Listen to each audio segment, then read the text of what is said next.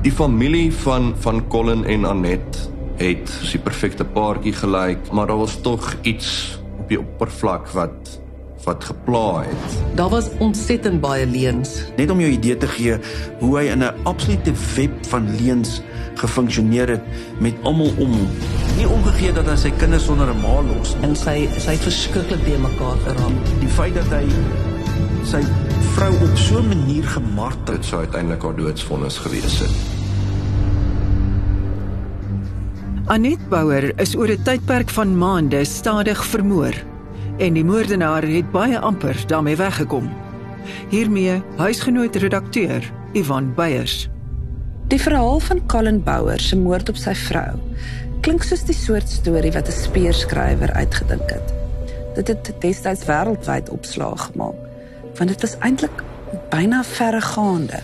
Nou Colin se vrou Anet was net 47 jaar oud toe sy in Nieu-Seeland dood is. Hulle het saam emigreer van Suid-Afrika af so toe. Hy was 'n psigiater, sy was 'n fisioterapeut en hulle was op die oog af 'n suksesvolle, welvarende en ook gelukkige paartjie. Maar toe beraam Colin oor 'n lang tydperk plan om sy vrou te vergiftig en hy kry dit toe uiteindelik ook reg.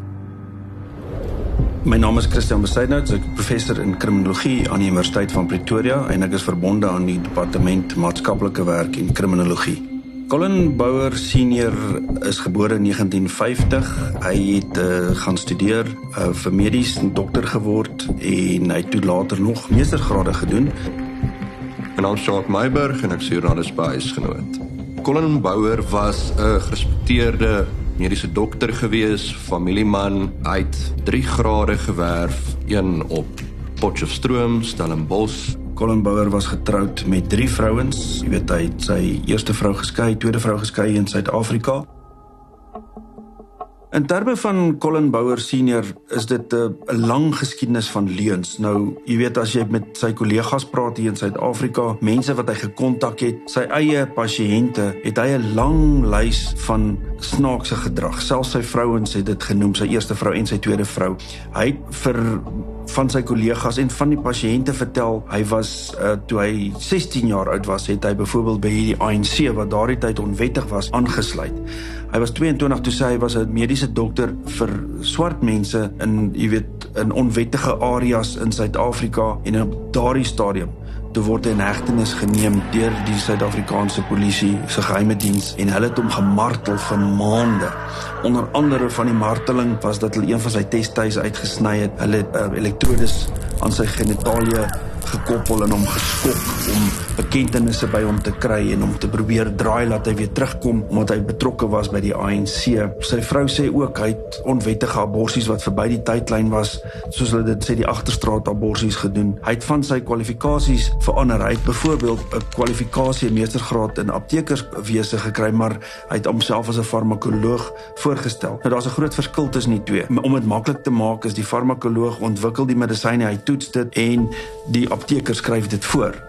Hy het dokumente vervals. Hy het mense gemanipuleer. Hy het met vrouens byvoorbeeld wat vroue pasiënte gesê jy weet hy het 'n sekslose lewe want daar's geen intimiteit nie want sy vrou was verkragt. Hy het onder andere ook genoem dat hy goed bevriend was met Nelson Mandela en dat toe meneer Nelson Mandela van Robben Eiland afgekom het dat hy hom in Valkenburg behandel en het goeie vriende geraak. Niks van hierdie goed wat ek nou noem was waar nie. En dit is klassieke tekens van 'n persoon wat amper delusioneel optree in terme van sy wêreld, weet met grootheidswaan. Uh hy's nie gediagnoseer met dit nie, maar dis klassieke simptome van wie ek is en wat ek doen en wie ek ken en dat hulle baie belangriker as ander mense is.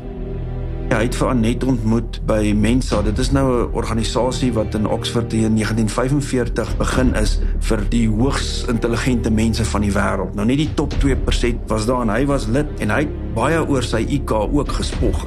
Die familie van van Colin en Anet het gesê dat hulle soos die perfekte paartjie gelyk. Hulle het baie daarvan gehou om goed saam te doen, bergfietsry, inkopies doen, piknik te hou, maar daar was tog iets op die oppervlak wat wat gepla het.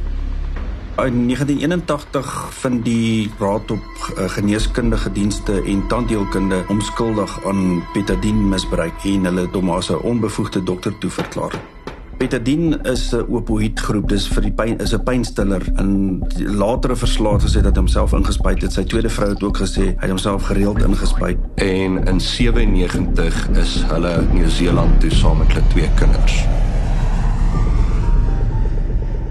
Sy eerste vrou, sy tweede vrou en dan kollegas het almal saamgestem dat hy 'n rokjagter is in die ou tradisionele woord in Afrikaans. Hy het self met pasiënte hy verhoudings aangeknoop. Daar was 'n klompie vrouens wat nie op die einde klagtes teenoor wou indien nie, maar verskeie. Daar was 'n hele paar vroue wat hy buiteegtelike verhoudings mee gehad het. Hy het ook toe hy aanland in Nieu-Seeland met 'n vroulike verpleegster 2 weke nadat hy daar is, het hy klare verhouding begin met haar. So in 1999 het hy ook 'n verhouding aangeknoop met 'n kollega van hom in dieselfde hospitaal waar hy hoof van die psigiatrie en en die medisyne afdeling was. Daar's ook sprake dat in dieselfde tyd wat hy met die vroulike kollega 'n buiteegtelike verhouding begin het, dat hy 'n verhouding met vier ander kollegas wat hulle nie van mekaar geweet het in die departement gehad. Net om jou idee te gee hoe hy in 'n absolute web van leuns gefunksioneer het met almal om hom. Ek sal dink mense kan hom nie diagnoseer as 'n patologiese leenaar nie. Ek dink dit was deel van sy mondering. Leuns het hom baie ver gebring. Jy moet nou weet, hy is hier vasgetrap met die petadien verslawing en die mediese raad het gesê nee, jy weet, ons kan jou nie verder laat praktiseer nie. Hy kry 'n topwerk in Nieu-Seeland. Hy raak hoof van die die afdeling as mense dit vertaal is dit sielkundige medisyne en psigiatrie uh, in in Otago in Nieu-Seeland by die universiteit. Jy weet so hy het met die leens was hy suksesvol. So mense kan sê dat dit 'n absolute patologiese ding by hom begin word het, maar ek dink daar was ook ander gedragsversteuring of persoonlikheidsversteuring weet, weet wat hom nog 'n meer gevaarlike tipe mens gemaak het. Ons moet onthou Colin en Annette was beskou as 'n superpaartjie. Sy word beskryf as 'n headstrong, met ander woorde sy sy was 'n dame wat ook haar voet neergesit het en sy het op haar regte gestaan. Sy was hoogs intelligent, sy hulle ook.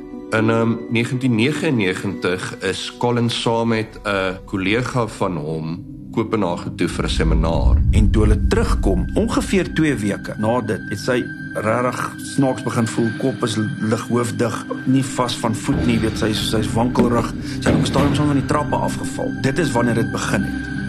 Anet het vreemde simptome begin toon waar sy haar sig begin verloor het, sy duiselig begin raak en op 'n stadium was sy self dokter toe gewees en sy het vir haar bril aangeskaf en gedink haar sig is besig om te gaan, maar die simptome het net aangehou en vererger. Jy moet nou onthou dat as jy van Suid-Afrika immigreer en jy kry volle visa, gaan jy deur 'n vol mediese ondersoek en sy was 100% gesond. Daar was absoluut niks fout met haar nie. 20 November 1999 het Colin wakker geword en Anet was langsom in die bed bewusteloos.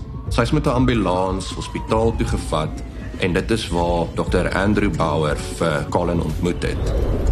Hello, I'm Dr Andrew Bowers. I'm a, an acute medicine specialist currently living in New Zealand and working in Rotorua.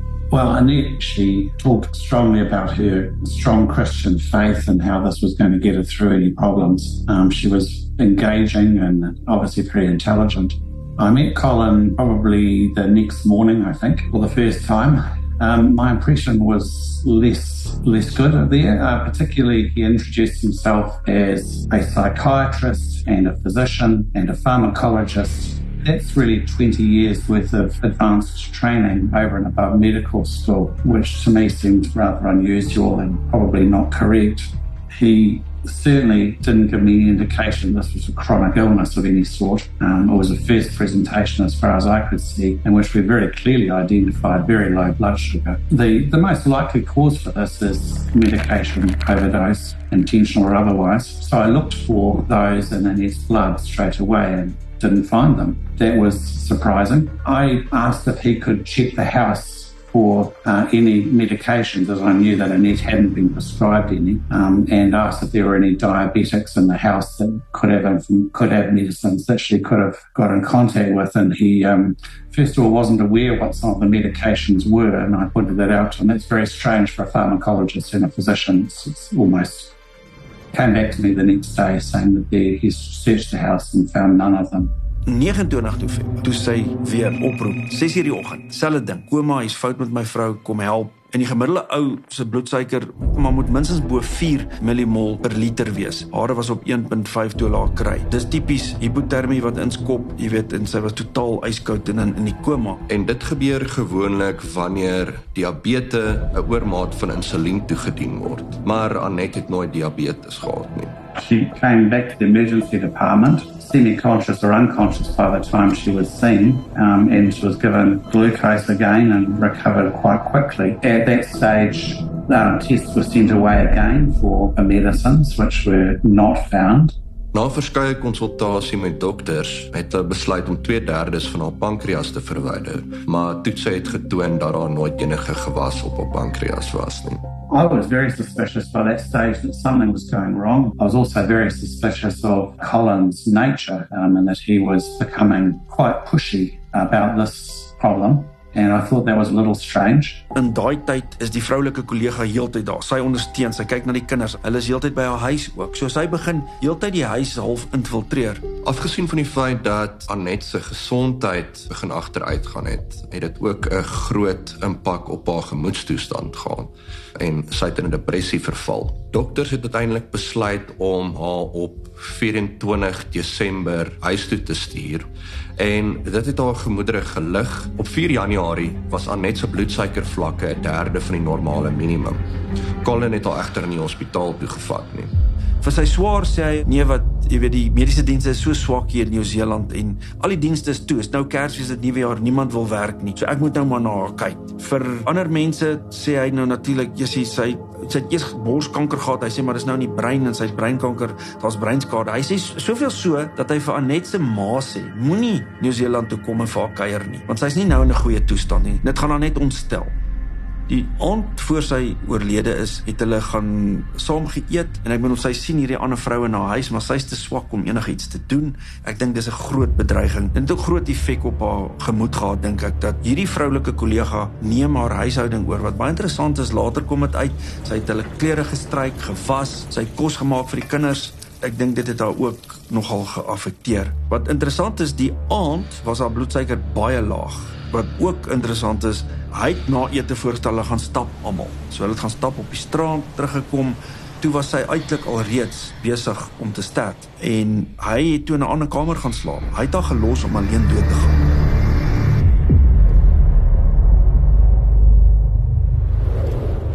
On New Year's Day or the day after New Year's Day 2000, when I, of course, in a junior physician, I was on call again. Um, but it was called from Colin Bauer directly, and he said that uh, Anita's dead And he's told me that the general practitioner, who he named and I knew reasonably well, had refused to come over and sign the death certificate, uh, and that I had to do that. She was on the bed. The bedclothes had been tossed aside, the bottom sheet had been pulled up. Uh, there was evidence of incontinence. It looked as though her bed had been tossed by uh, somebody who's having a generalized seizure. He wasn't in a stage of mourning. Maybe it was a stage of shock, but he, he didn't look like a man who's just found his wife dead.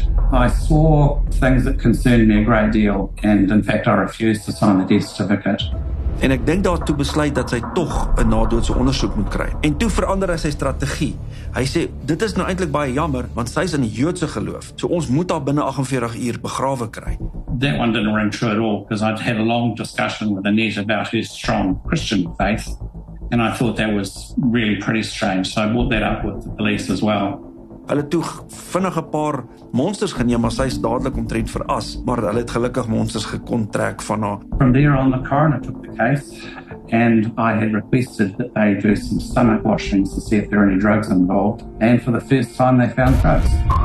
Dokters en patoloog kon glad nie enige gewas op haar pankreas kry nie. Daar was wel 'n hoë konsentrasie van middels in haar weefsel gewees wat veroorsaak het dat die pankreas oormaat insulien afgegee het. Wat die dokters en die patoloog wel onderraad laat vermoed het, is die feit dat daar in haar bloedstroom verdowingsmiddels gevind is en hulle het uiteindelik hulle verslag met die polisie gedeel.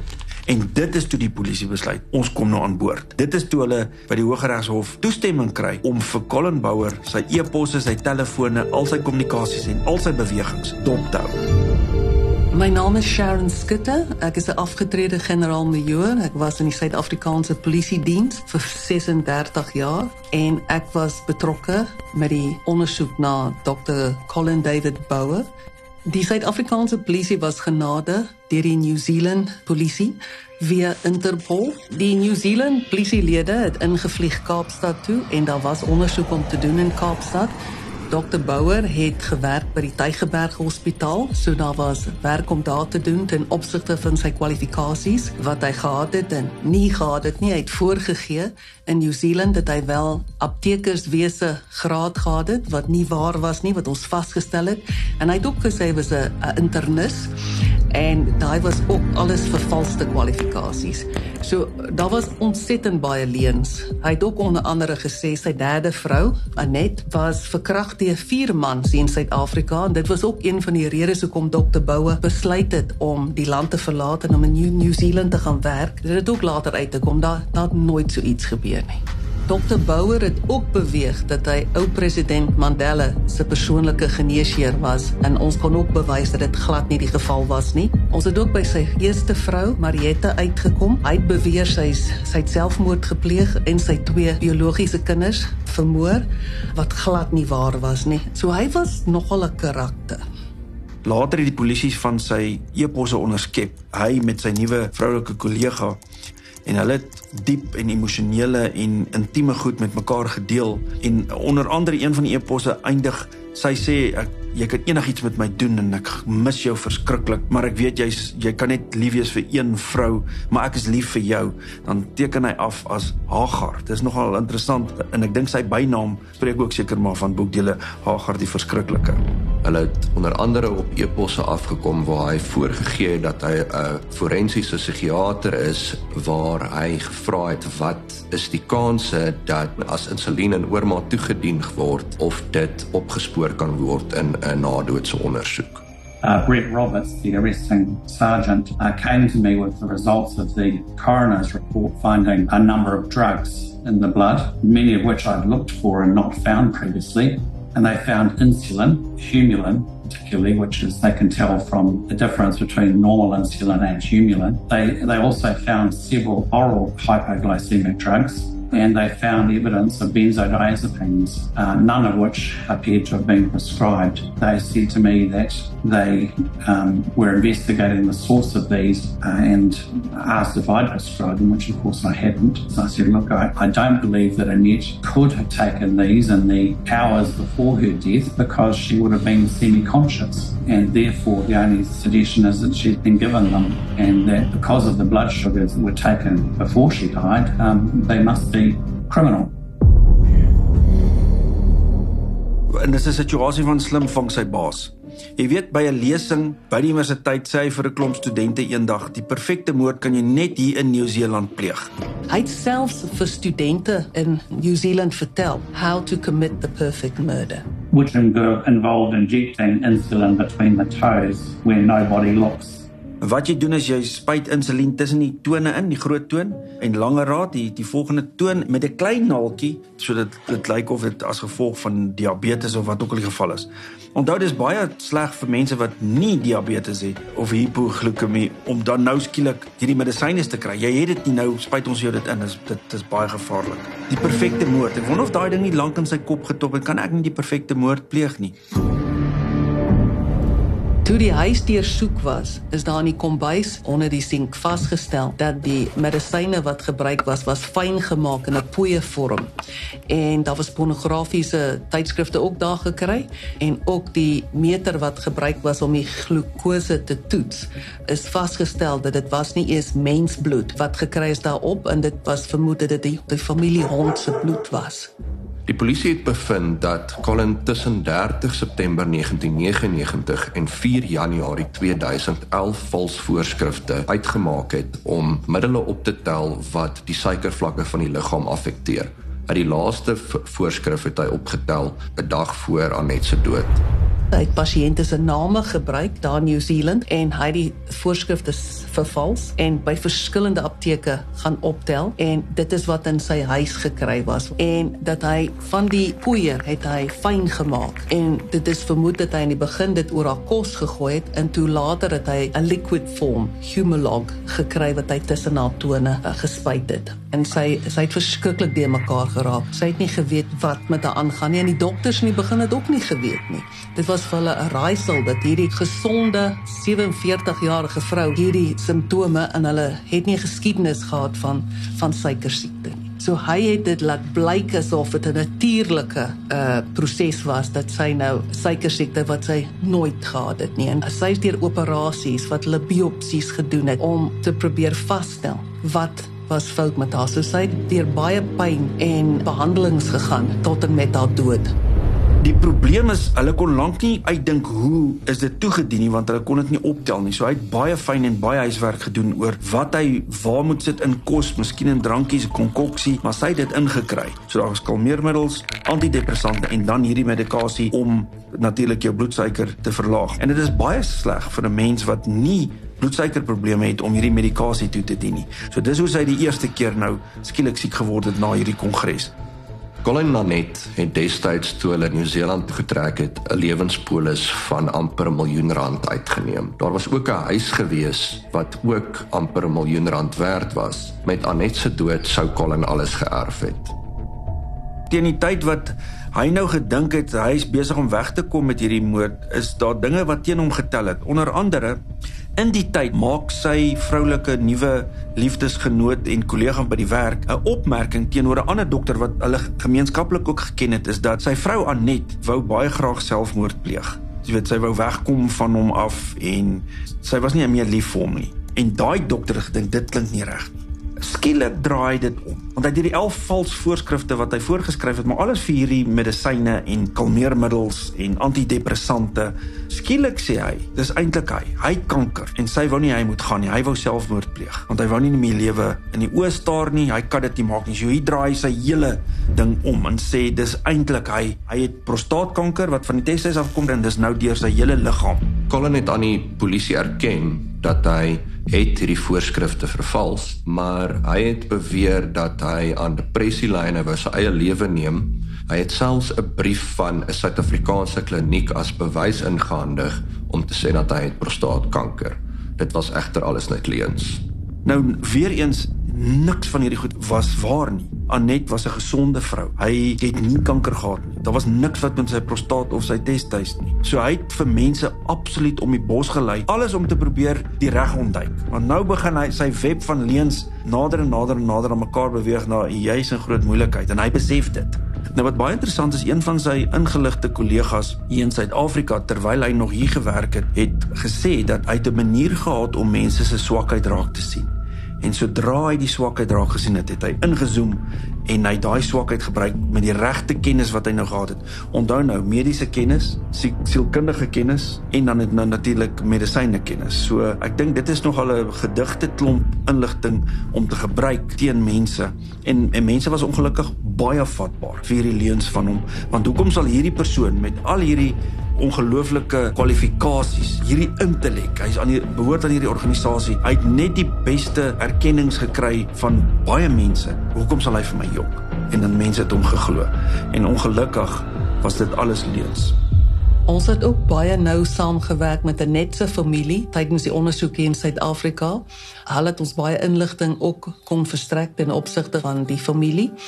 Um ons het hulle verskriklik jammer gekry want hulle sit hierdie kant en alles het daai kant gebeur en jy weet in die begin toe Anet dood was, het niemand 'n misdaad vermoed nie. Hulle het aanvaar sy sy was siek. So ja, vir die familie was dit baie baie hartseer en ons het baie nou saam met hulle gewerk op die Suid-Afrikaanse been van die ondersoek. Colin is op 15 September 2000 in hegtenis geneem. Die polisie was steeds nie seker hoe hy hierdie medikasie aan hom toegedien het nie, maar hulle het vermoed dat dit was deur eet en drinkgoed wat hy vir haar gegee het. I'm David Moore. I'm a barrister in Dunedin, recently retired. I actually met him at the police station. He was on his way to an overseas conference, and the police decided to arrest him before he left the country. Uh, I got a call and met him actually at the police station. I think he was more concerned about his own situation than being a grieving husband. The defence strategy was that she had an underlying medical condition uh, and that she committed suicide. Found the drugs using herself. Collins se verhoor het sowat 6 weke geduur. Op 19 November 2001 het die jury in die Hooggeregshof egter in 2 ure vir Collins skuldig bevind aan moord. Dit was die vinnigste beslissing deur 'n jury in die Nieu-Seelandse geskiedenis. Well, the jury brings back a verdict in this case who was guilty, and the only sentence at that stage in New Zealand for murder is life imprisonment. Ja, ek dink ons moet gaan kyk na eers na die uitspraak in die hof. Die regter sê jy's manipulerend, jy's 'n leienaar, jy het jou vrou doodgemaak omdat daar 'n nuwe liefde in jou lewe was. Dit was vir gierigheid vir die geld wat daar was en die huis wat na jou toe sou kom. Daai was van die groot motiewe wat die hof natuurlik baie omstandigheidsgetuienis en toe later eers die goed wat gekom het oor die maag inhoud. Toe hulle na sy huis toe en hulle het goed in die huis gekry en op die wasbak wat nou natuurlik ooreenstem. So daar is redelik bo redelike twyfel gewys dat hy dit gedoen het. Colin het uiteindelik lewenslange tronkvonnis gekry vir die moord op Anet. Hy het van die 17 jaar wat hy moes uitdien, het hy 16 jaar uitgedien. Regter Pankhurst was van mening gewees dat Colin die moord gepleeg het vir liefde, geld en die intellektuele uitdaging om die perfekte moord te pleeg. Judgment in the case was handed down by Justice Blanchett and he stated Murder by slow poisoning is amongst the most despicable of crimes. That it should be done by a doctor, by someone who takes the Hippocratic oath to anyone, let alone his wife, is even worse. In 2015 het Colin aansoek gedoen vir parol, dis egter geweier. En alhoewel hy permanente verblyfreg in Nieu-Seeland gehad het, was al kort na sy vonnis 'n uitsettingsbevel uitgereik. In 2016 het hy probeer om sy deportasie te kanselleer en dit is ook geweier. In 2017 is hy uiteindelik vrygelaat op parol en hy is op 'n vliegtuig gesit en terug Suid-Afrika toe. Toe Colin terugkeer Suid-Afrika toe het sy gesondheid drasties begin versleg. Hy het aan 'n kroniese niersiekte gely en in Augustus 2018 is hy uiteindelik 'n natuurlike oorsake in KwaZulu-Natal dood. Dit was 2 weke voor sy 68ste verjaarsdag. Dis interessant dat Colin Bouwer lyk my net na homself omgesien het. Dit is so amper 'n narcissistiese streek wat hy gehad het. Sy vorige vroue, veral sy tweede vrou, het gesê hy het homself ingespuit. Hy was 'n gewelddadige man, maar hy het, het dit gesê sy van die trap af gestap toe sy swanger is. So beide vroue het gesê hy was nie so vriendelike mens as wat almal gedink het nie. Hy het in die hospitaal met vir Marie het gesê jy moet nou sê dat jy het oordosis medikasie geneem en dis hoekom jy geval het. Anders gaan ek my praktyk verloor en my aansien en alles oor homself. Hy het konstant dinge uitgedink dat mense hom of jammer kry of dink hy's verskriklik intelligent of hy's verskriklik belangrik. Hy het hierdie egosentriese ding gehad wat hy oor homself gehad het die hele tyd. Hy het nie omgegee wat met sy kinders gebeur want hy het nou mos nou die vroulike kollega aangestel as hulle voog. Hy het hulle ma doodgemaak. Hy gee nie om wat die band met die kinders en die ma is nie. Hulle gaan geld kry, daar's 'n polis, daar's 'n huis, maar hy gee glad nie oor die emosionele belang en investering belang en wat met hulle gaan gebeur nie al hierdie goeders wat hy gedoen het, het net oor homself gegaan. Al die pyltjies het na hom toe gewys. Hy's nooit gediagnoseer met enige geestesversteuring of persoonlikheidsversteuring nie. Maar as mens na die eienskappe kyk, tipiese grootheidswaan, geen gevoel nie. Hy was egosentries, psigopatie begin al wees so stadig deur deurskemer van 'n man wat almal kon manipuleer, kon wegkom daarmee, nie omgegee dat hy sy kinders sonder 'n ma los nie, dat hy tronk toe gaan so hulle verloor beide ouers feit dat hy seksueel pasiënte misbruik het, dat hy van sy kollegas seksueel misbruik het en net so gelos het. Daar was soveel klagtes teen hom. Die feit dat hy sy vrou op so 'n manier gemartel het en die regter gesê so jy het haar stadig oor tyd vergiftig en jy het geweet, jy het gesien hoe ly sy en daar was vir 'n tipe gratifikasie in hierdie mag wat hy het. Ek weet en dit is waar ek sê hy was absoluut grandioos. Daar is massas mense benadeel, maar hy's hierdie ou wat bo sit en alles manipuleer. Hy trek die touwtjies. Hy is die touwtjiemeester en sy lei en sy gaan dood op die vreeslikste manier. Alhoewel Collins se uh, kinders uit sy huwelik met Annette om ondersteun het en in die hofbanke was, het die kinders uit sy eerste huwelik uit beweer dat hulle totaal vervreem was van Colin. Colin Junior het beweer dat terwyl hy briewe geskryf het vir sy pa in die tronk, het die briewe net so teruggekom. Maar soos wat die eeue ou gesegde lei, aardjie na sy vaartjie. Terwyl Colin Senior in die skuldige bank in Nieu-Seeland gesit het, word sy seun Colin Junior dieselfde tyd in Suid-Afrika in hegtenis geneem vir die moord op sy vrou.